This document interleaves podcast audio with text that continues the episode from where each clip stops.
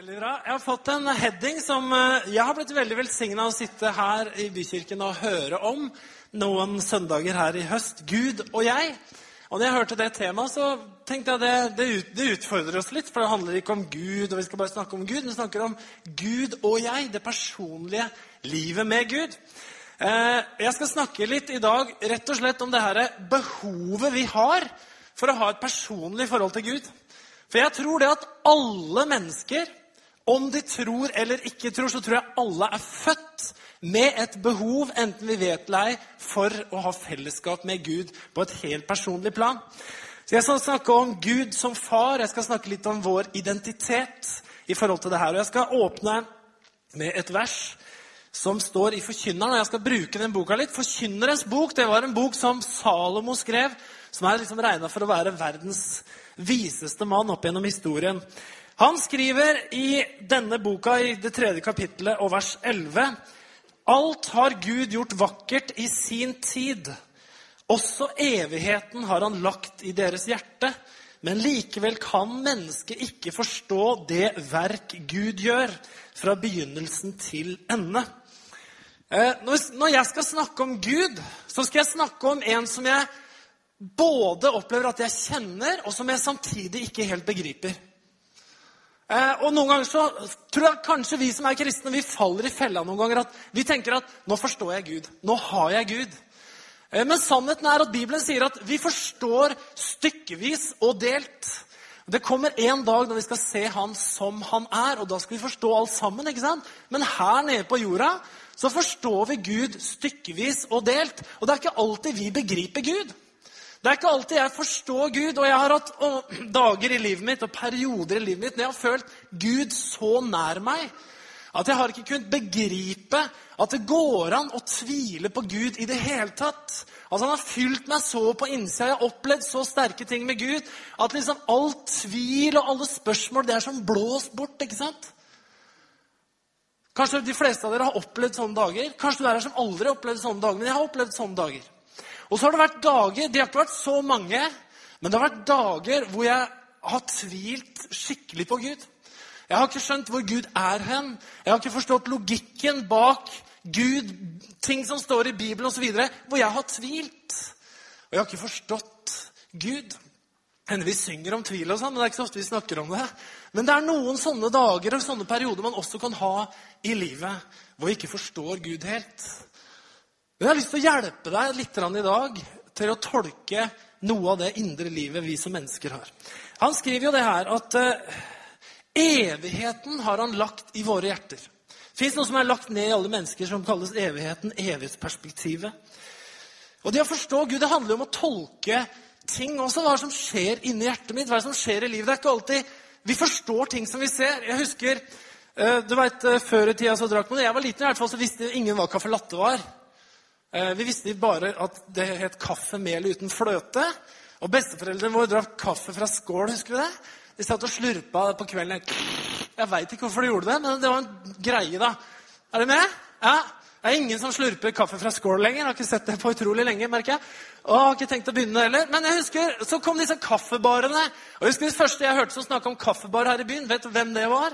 Det var noen kristne mennesker som gikk i Betania, som hadde vært i Holland og sa at de hadde starta kristne kaffebarer i byene der liksom ble kontaktpunkt for folk. og sånn. Så De skulle starte det her i byen. Det ble Matthews House, som skulle være en kaffebar, og der hadde de kaffetrakter. da.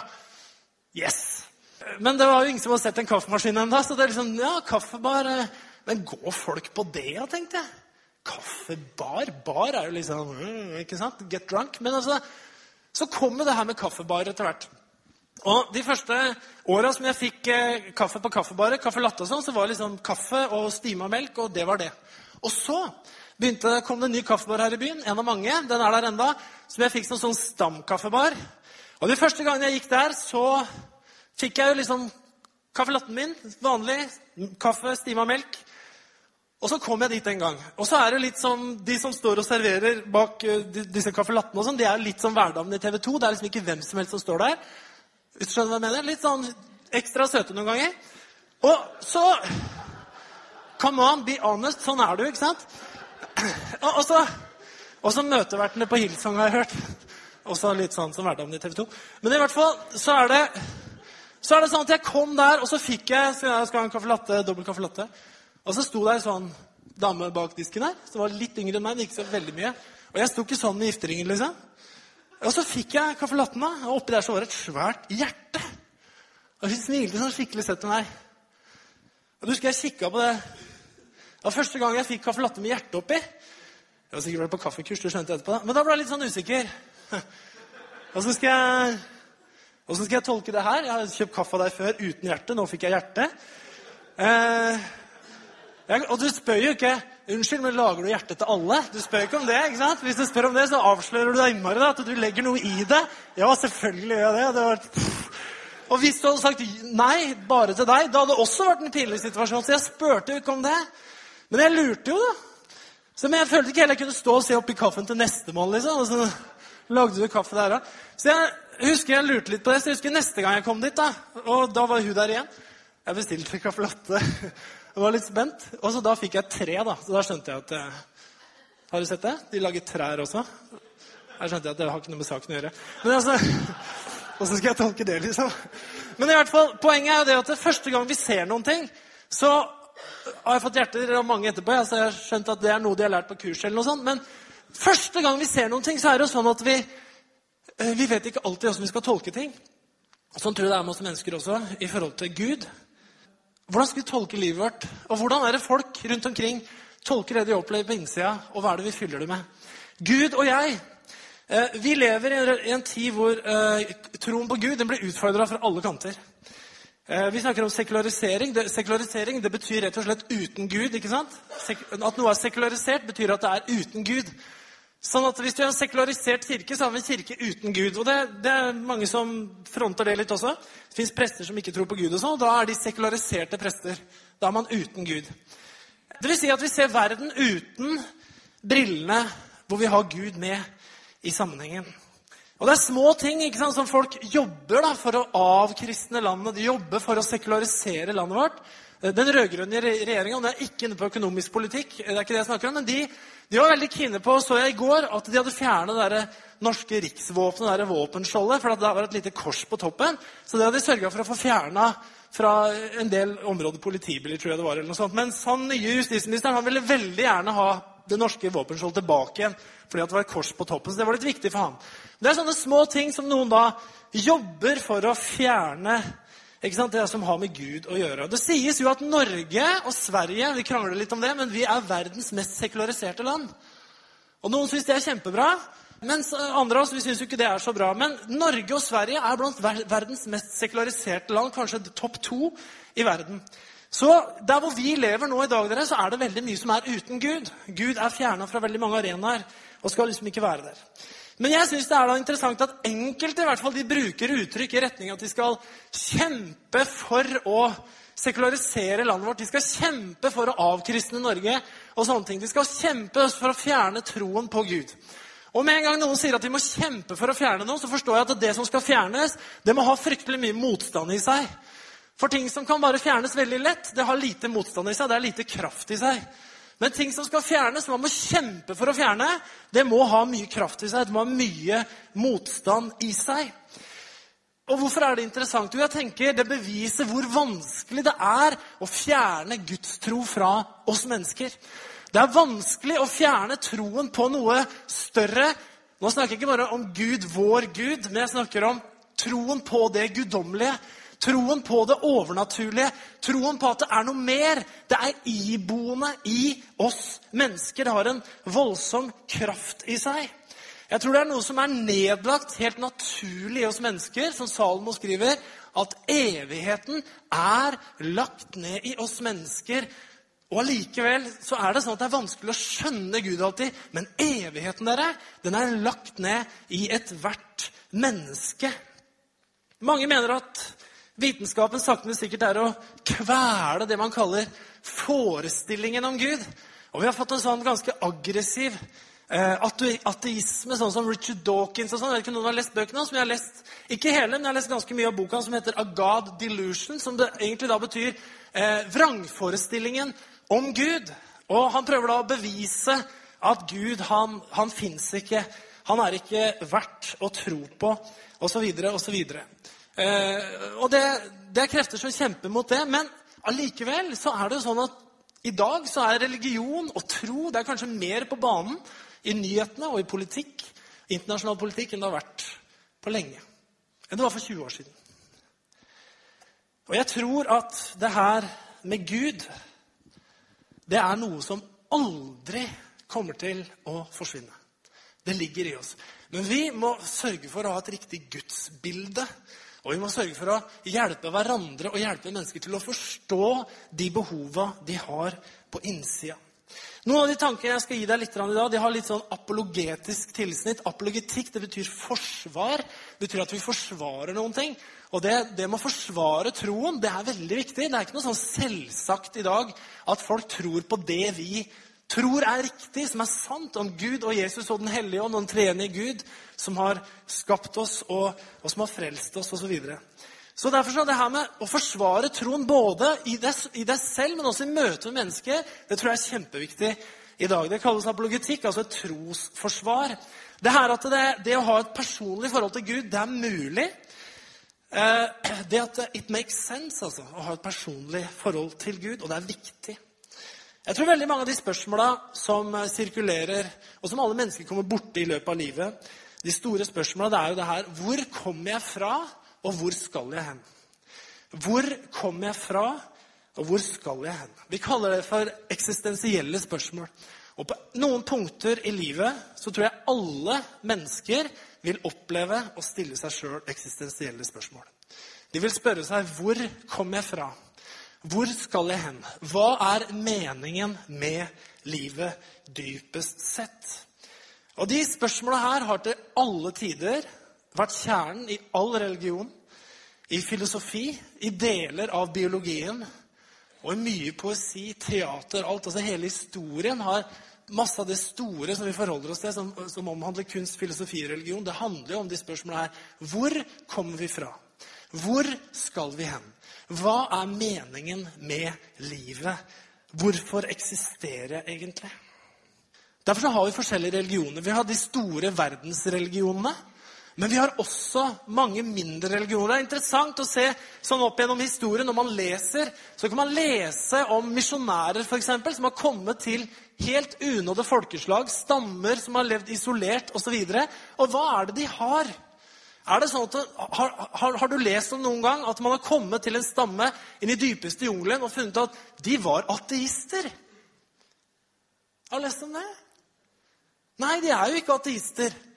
Det kan hende de holder på med noe forferdelig rituelle og greier som er liksom langt ute, og som ikke har noe med Gud og, den levende Gud å gjøre. Men de har, de har da skaffa seg noe de tror på. De har da noe de tilber, de har da noen ritualer, de har noe Og hvorfor det? Hvorfor har det vært så innlysende rundt omkring at, at folk, eh, sivilisasjoner, har hatt tro? Det er jo fordi at dette ligger jo i mennesket. Så det har vært gjennom alle tider. så har det vært, Man har funnet det her. Og det er tror jeg, et paradoks hos mennesker. Og jeg, Du vet at det fins masse stammetro, stammereligioner i Norge i dag også. Men hvis du går på Teletorget Jeg vet ikke noe som heter det lenger, forresten. Teletorget, det var i hvert fall på i avisene før, så kalte vi det Teletorget. Hvor det sto masse telefonnummer, 815-nummer, oppstartsavgift 79 kroner. ikke sant? Deretter 45 kroner per halvminutt eller noe sånt. Og folk så ikke det og ringte.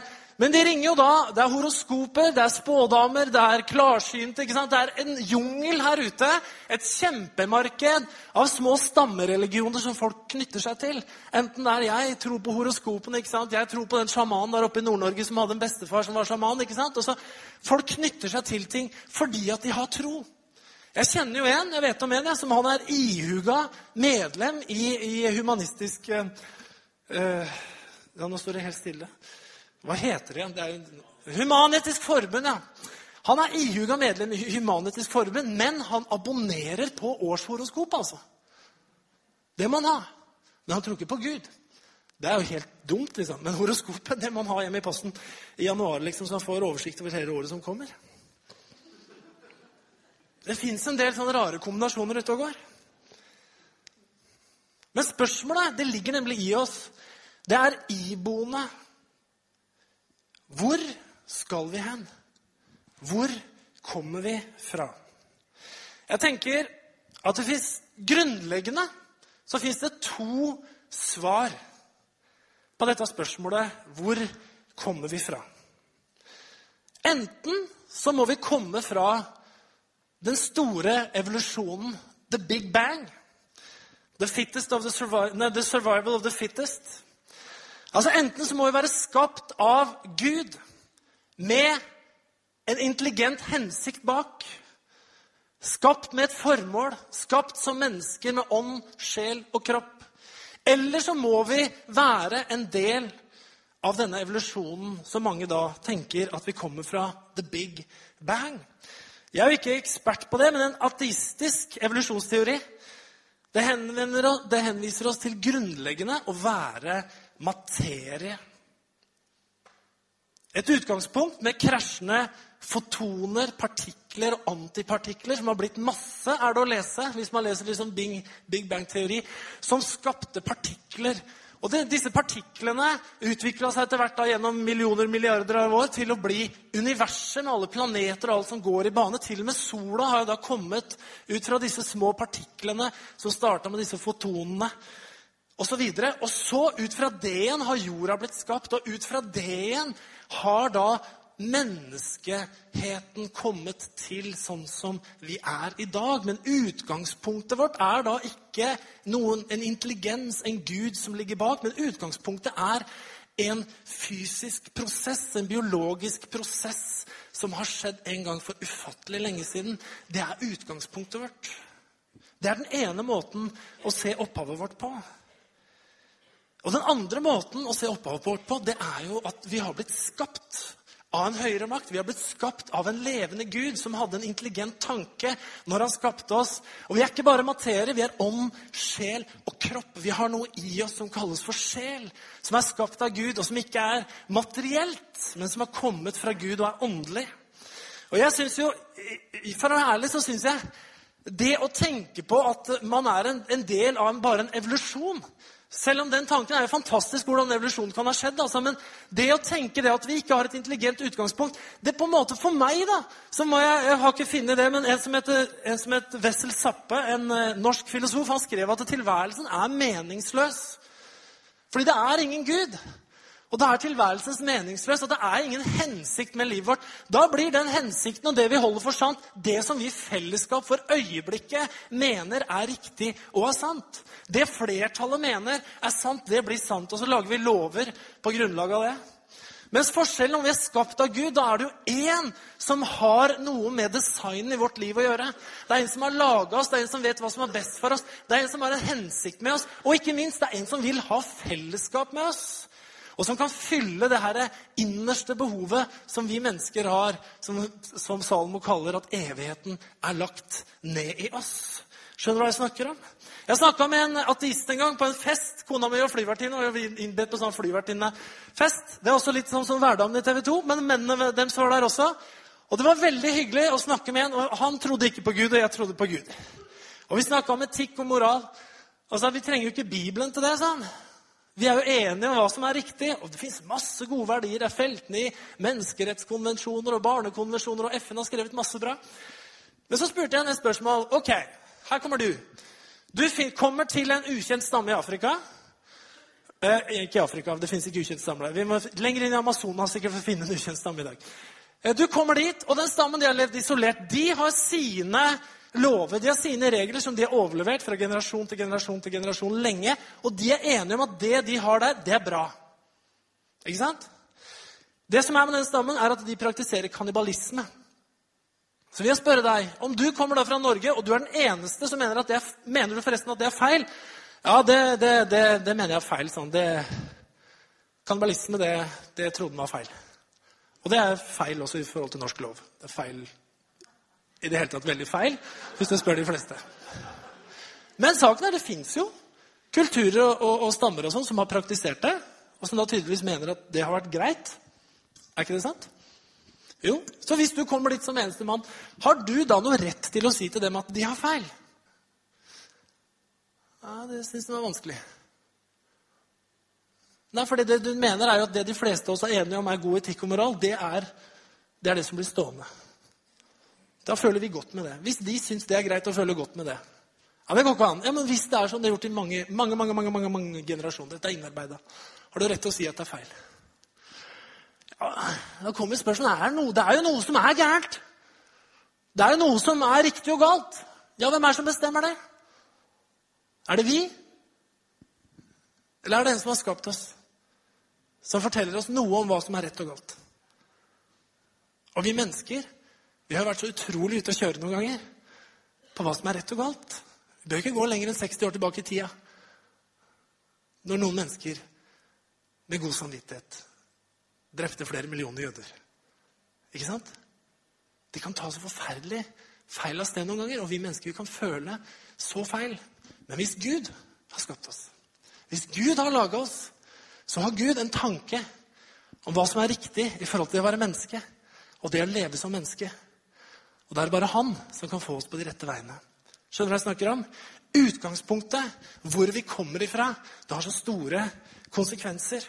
Gud sa i 1. Mosebok 1,26.: La oss skape mennesker i vårt bilde, så de ligner på oss. Med andre ord har vi med en gang noe som vi skal ligne. Gud sier dere skal være lik meg, dere skal ligne på meg. Og Jesus sa det samme. Har dere sett meg, har dere sett Faderen. Bli som meg, bli mine etterfølgere og lev, lev som meg. Vi har altså med en gang én som har modellert og som forteller oss sånn som jeg er, sånn skal også dere være. Da har vi med en gang noe vi kan leve etter. Og vi spør i dag What would Jesus do? ikke sant?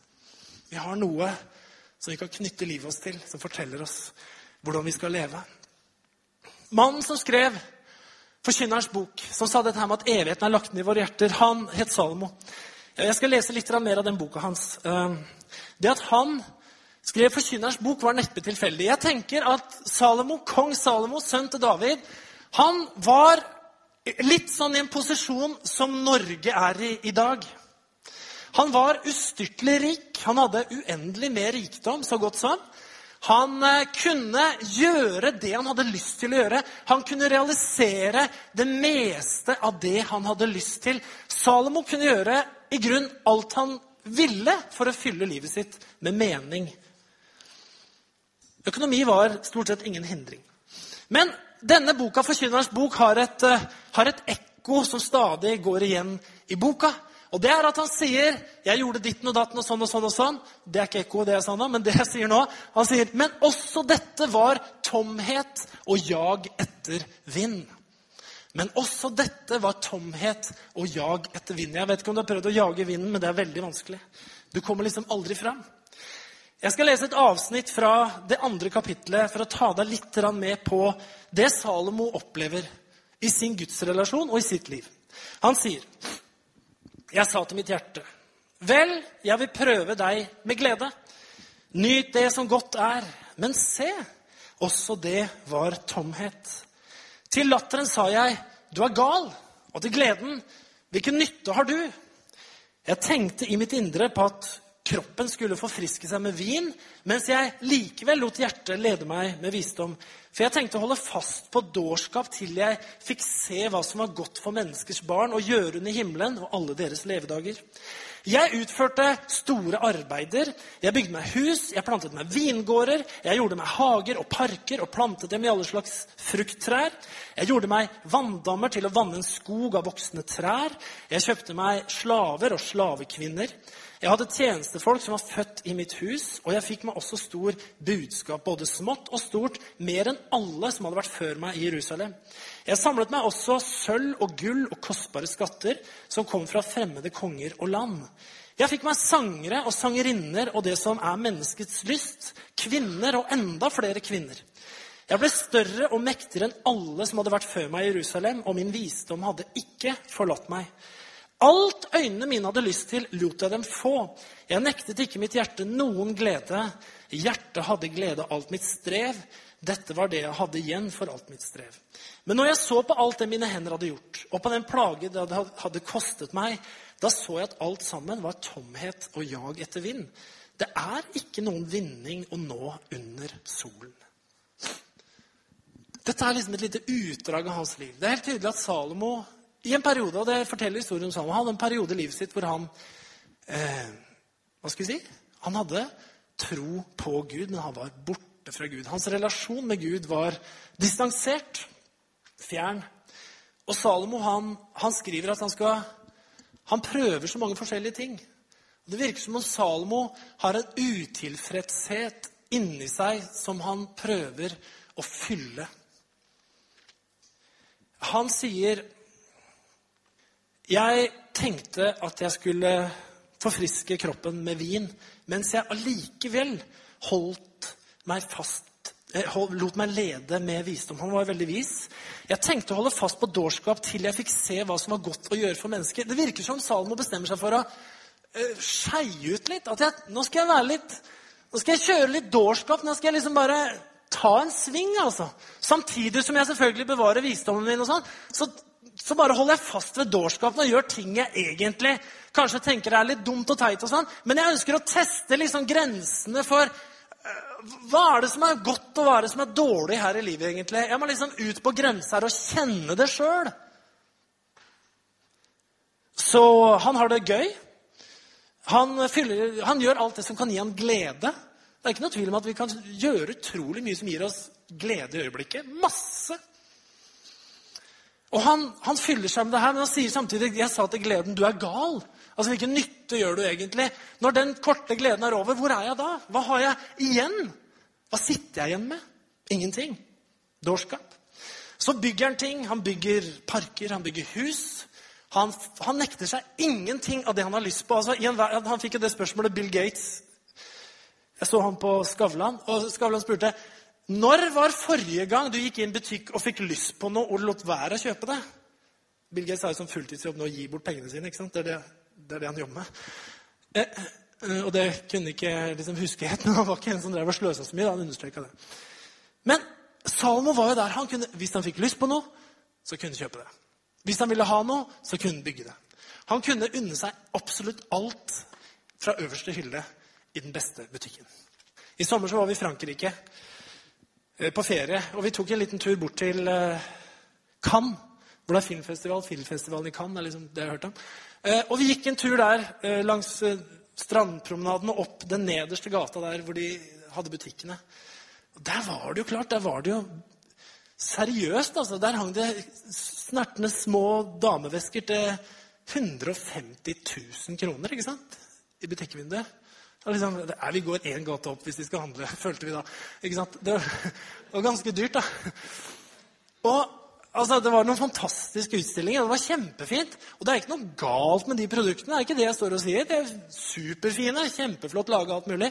Men det er klart, Salomo er i en posisjon hvor han, han kunne gått og shoppa der. ikke sant? Han kunne shoppa hele gata, og det er jo de som gjør det. Og dette holdt han på med. Men så ender han jo opp med å si noe som jeg tror er veldig sånn gjenkjennelig for mange norske i dag. Eh, hjertet mitt hadde glede av alt mitt strev. Jeg hadde glede av det. Det var fint å se det huset ferdig. Det var fint når den parken var anlagt. Det var fint når det vanningsanlegget var klart. Det var fint. Mitt hjerte hadde glede av det. Men jeg så hva det hadde kosta meg, og den plage det var. Og når jeg satt igjen etterpå, så kjente jeg alt var jag etter vind. Og det ble tomhet. Og Hvis du leser denne boka her, Forkynnerens bok, så vil du se at det er omkvedet i boka. Dette. Også dette, også dette var tomhet og jag etter vind. Tomhet,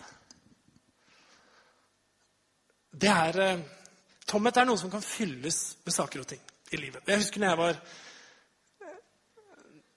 når jeg var rundt 20 år. Jeg har fortalt det før. Men da hadde min relasjon med Gud vært ganske fraværende en god stund. Og jeg husker, hvis jeg skal beskrive med ett eneste ord den følelse som i sterkere og sterkere grad prega mitt indre Med ett ord så må det være ordet tomhet.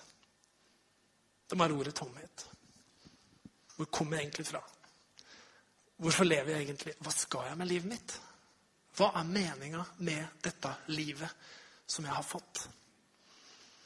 Og den følelsen av tomhet, den fylte opp her inne. Jeg begynte å lese Forkynnerens bok, husker jeg. Jeg leste salmene og jeg leste Forkynnerens bok. Og jeg fant ut at Salomo han var jo en fyr som hadde opplevd akkurat det med tomhet. Nå hadde ikke jeg bygd så mange parker og i det hele tatt hatt så mange damer og sånn, men, som han har hatt. Men allikevel, den følelsen av tomhet, det var veldig enkelt. Det var fraværet av Gud i livet. Og så fikk jeg komme til Gud igjen litt seinere. Og så fikk jeg kjenne hvordan Gud kunne fylle det her inne som ikke noe annet kunne fylle. Guds ånd, Gud, pappa, min far, der hvor jeg kom ifra, han kunne fylle opp her inne. Og Vi kan spørre oss spørsmålet Føler mennesker egentlig alltid behovet for Gud? Og Jeg tror svaret på det er nei. Jeg tror ikke alltid alle mennesker som ikke har Gud, føler behovet for Gud til enhver tid. Jeg tror vi har så mange ting som vi kan fylle livet vårt med, som gir oss glede. Som gir oss oppturer. Som gir oss noe som vi liksom engasjeres i. Nå har vi OL, ikke sant? Det er kjempegøy. Kjempestas å se på. Vi gleder oss jo når vi vinner. Og, men det er jo egentlig ganske kortvarig. Men Norge har jo vunnet stafettgull i OL for kvinner. Mange ganger. Men hva så? Det varer jo ikke. Nå tapte vi jo, ikke sant? Og da blir det på en måte nasjonalsorg, eller jeg vet ikke hva det blir. Hjem til smørbua. Alle nordmenn på smørekurs. Et eller annet sånt. Nå kommer i grunnskolen nå, neste år. Dette må aldri skje igjen. Så, så, så, ikke sant? Men vi føler jo ikke alltid behov for det. Vi, kan, vi, har materialisme som vi kan fylle oss med. Vi har filosofi, utdannelse, kunnskapservervelse, reiser, mat, kropp, mote, folk, OL. ikke sant? Vi har mange ting som vi kan fylle oss med hele tida. Men så tror jeg alle mennesker kommer til et punkt da, hvor de kjenner det. Hvor de kjenner at det er tomt. Jeg tror alle mennesker kommer til det punktet. Det er litt som han bortkomne sønnen. Han var på en måte kong Salomo. Noen en kort periode.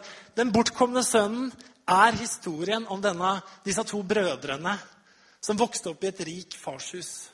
Som hadde en rik pappa, hvor den ene sønnen sier kan ikke jeg få min del av arven, så vil jeg reise ut ikke sant, og gjøre mine egne greier. Og pappaen sier det er greit. Du får din arv, masse penger, masse kapital, masse ressurser. Bare reis. Og han reiser av gårde.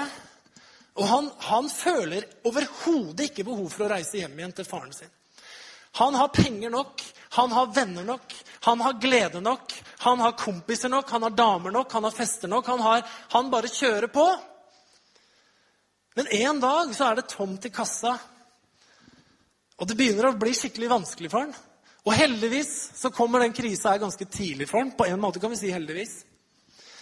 Og det står i Bibelen, Jeg skal ikke lese historien nå, men jeg siterer, det står i Bibelen om da han sitter plutselig på et punkt i livet da noe som har vært, er over. Og det er ofte da vi kjenner det. Det er ofte når, når noe i livet tar en slutt, som har fylt oss, så kommer vi et veiskille, og så må vi velge hvor skal vi gå. Og så, så plutselig blir det litt stille i livet. Den farlige stillheten som begynner å snakke til oss. Det er ikke så ofte vi har sjanse til å være stille, i hvert fall ikke vi som lever nå i 2014. Det er liksom lyd på alle kanaler. Og stillheten er noe mennesker ofte er litt redd for. For hva er det som dukker opp da? Hva er det som begynner å snakke til meg da?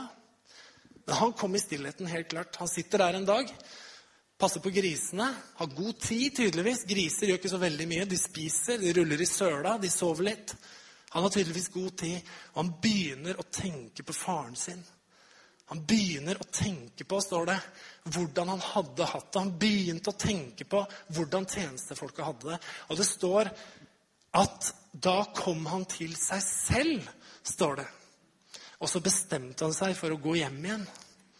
Og Det er noe, noen av de punktene der i livet som jeg tror du vil oppleve. som Jeg tror hør nå, jeg tror alle mennesker i livet rundt deg de opplever det en eller annen gang. At de kommer til et punkt hvor de kjenner på tomheten i livet hvis man ikke har Gud. Og Det sies jo det, og det er en kritikk da mot religion og mot tro. ikke sant? Det er typisk når folk er i kriser, eller de skifter fra én greie til en annen, at de finner Gud. Så da er de på en måte litt svake. Men kanskje det er akkurat når vi er svake, at vi er sanne. For saken er at alt det vi har, alt det vi har, blir borte fra oss her på jorda. Huset vårt Jeg vet ikke hvor mange av dere som har vært borti det at når foreldre døde, så tok man liksom bare overtok alt foreldrene hadde. Nei, vet du hva som skjer som regel? Du ringer liksom Ole Johansen ikke sant? og bestiller en svær container. Er det ikke det som skjer? Fordi at det som de har hatt, et helt liv med arbeid Huset deres det må pusses opp, må nærmest rives. ikke sant? Alle tingene deres, Alt de har holdt på med hele livet og har levd et liv ut ifra Da ringer vi Ole Johansen med en container. Hvorfor det? Det er passé. Det er utslitt. Det kan ikke brukes lenger. Det er forbi. Det er søppel. Så vi tar vare på noen få ting som har affeksjonsverdi. Og så går resten det går til salgs til noen som river huset og bygger det opp igjen, eller pusser opp voldsomt. Og tinga det er ikke så veldig mye mer å ta vare på. Og har vi tatt vare på den der gamle kjelen fra bestemor, så er det ikke den vi bruker, for den er egentlig så dårlig, men vi har den. Ikke sant? Ting varer ikke. Folk mister ektefellen sin. Vi blir gamle.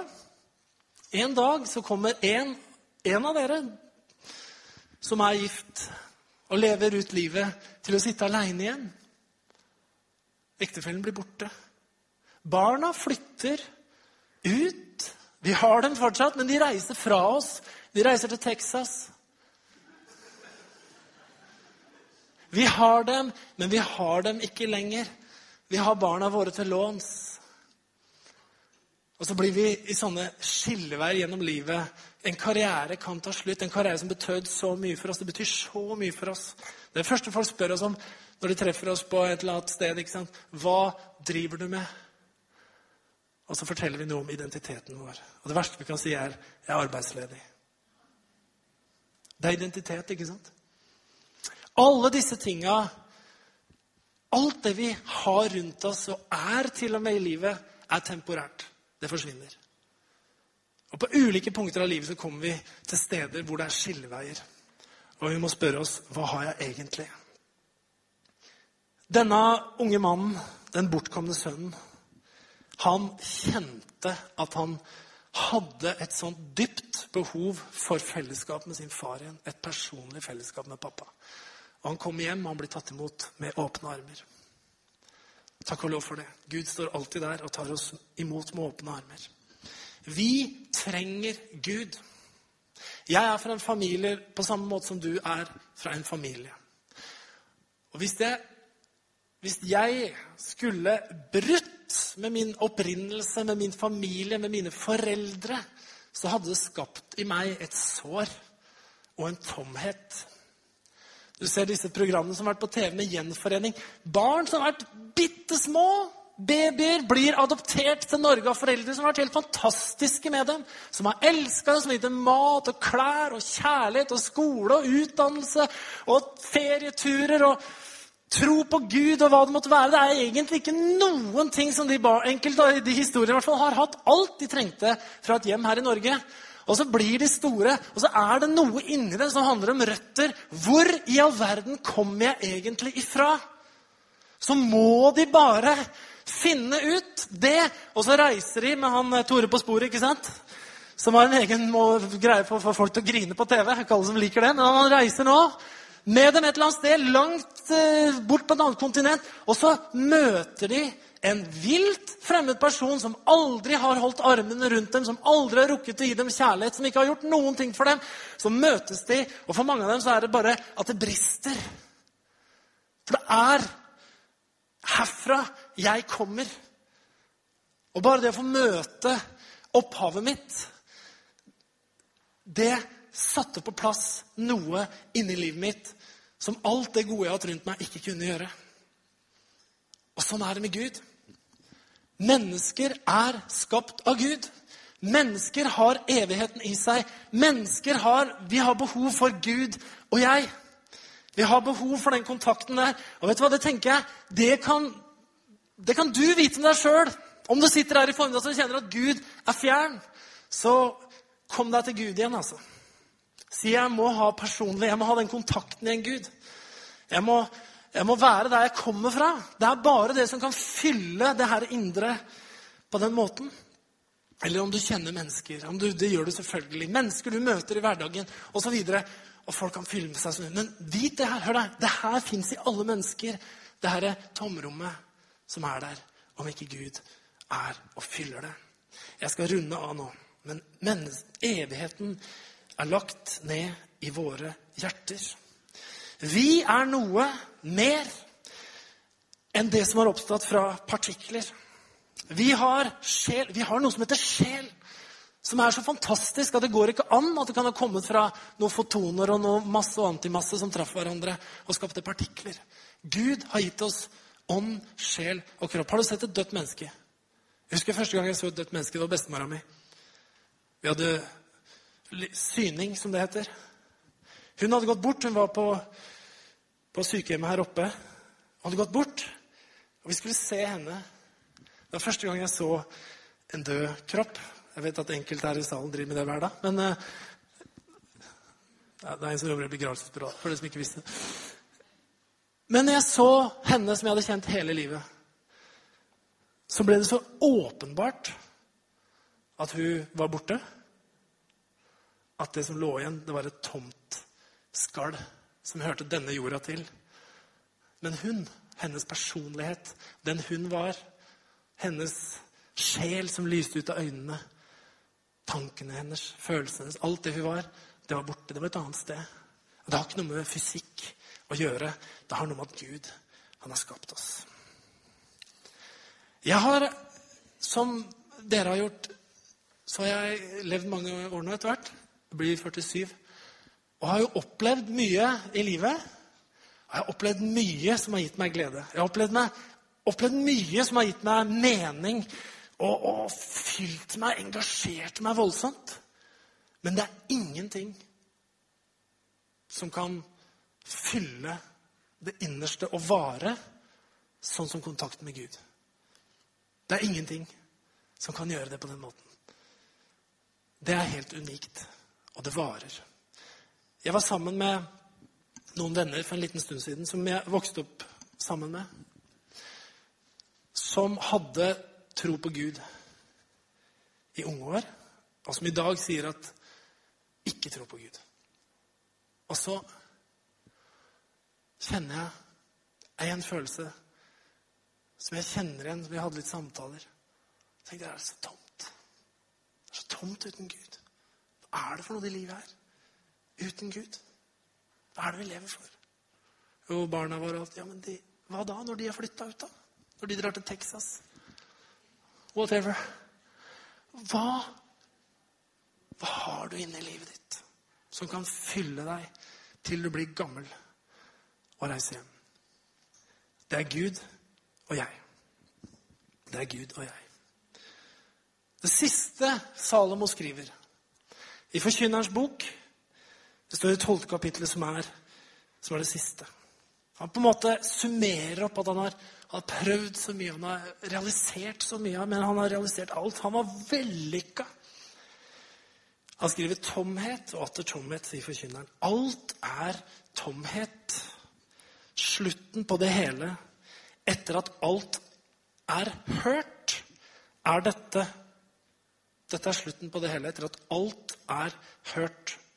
Frykt Gud og hold Hans bud. Det er noe som gjelder alle mennesker, skriver Salmo.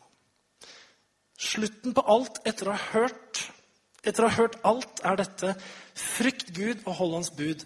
Det er noe som gjelder for alle mennesker. Og det syns jeg er veldig godt sagt.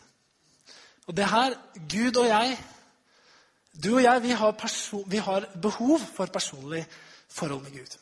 Og alle mennesker har, har, dette behovet for et personlig forhold til Gud. Selv om første gang man ser på Gud, så kan man lure fælt på hva det her er for noe. Men jeg tenker dette kan du ta med deg. Ta med deg det her også. Dette gjelder alle mennesker. Det er ikke noen som er sånn at de er helt udisponert for å finne Gud. Alle mennesker har det her i seg. Amen. Jeg har lyst til å be. Herre, vi takker deg for at du, vi kan tro og vite at du har skapt oss. Det er ikke sånn, Herre, at, eh, at vi er, er, her for en tilfeldighet eller en tilfeldig grunn.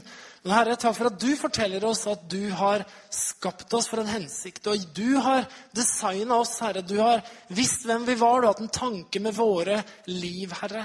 Og takk for at det å være menneske ikke har utgangspunktet i en tilfeldighet, men at det har vært en intelligens, en skaper, en som elsker oss bak der, Herre.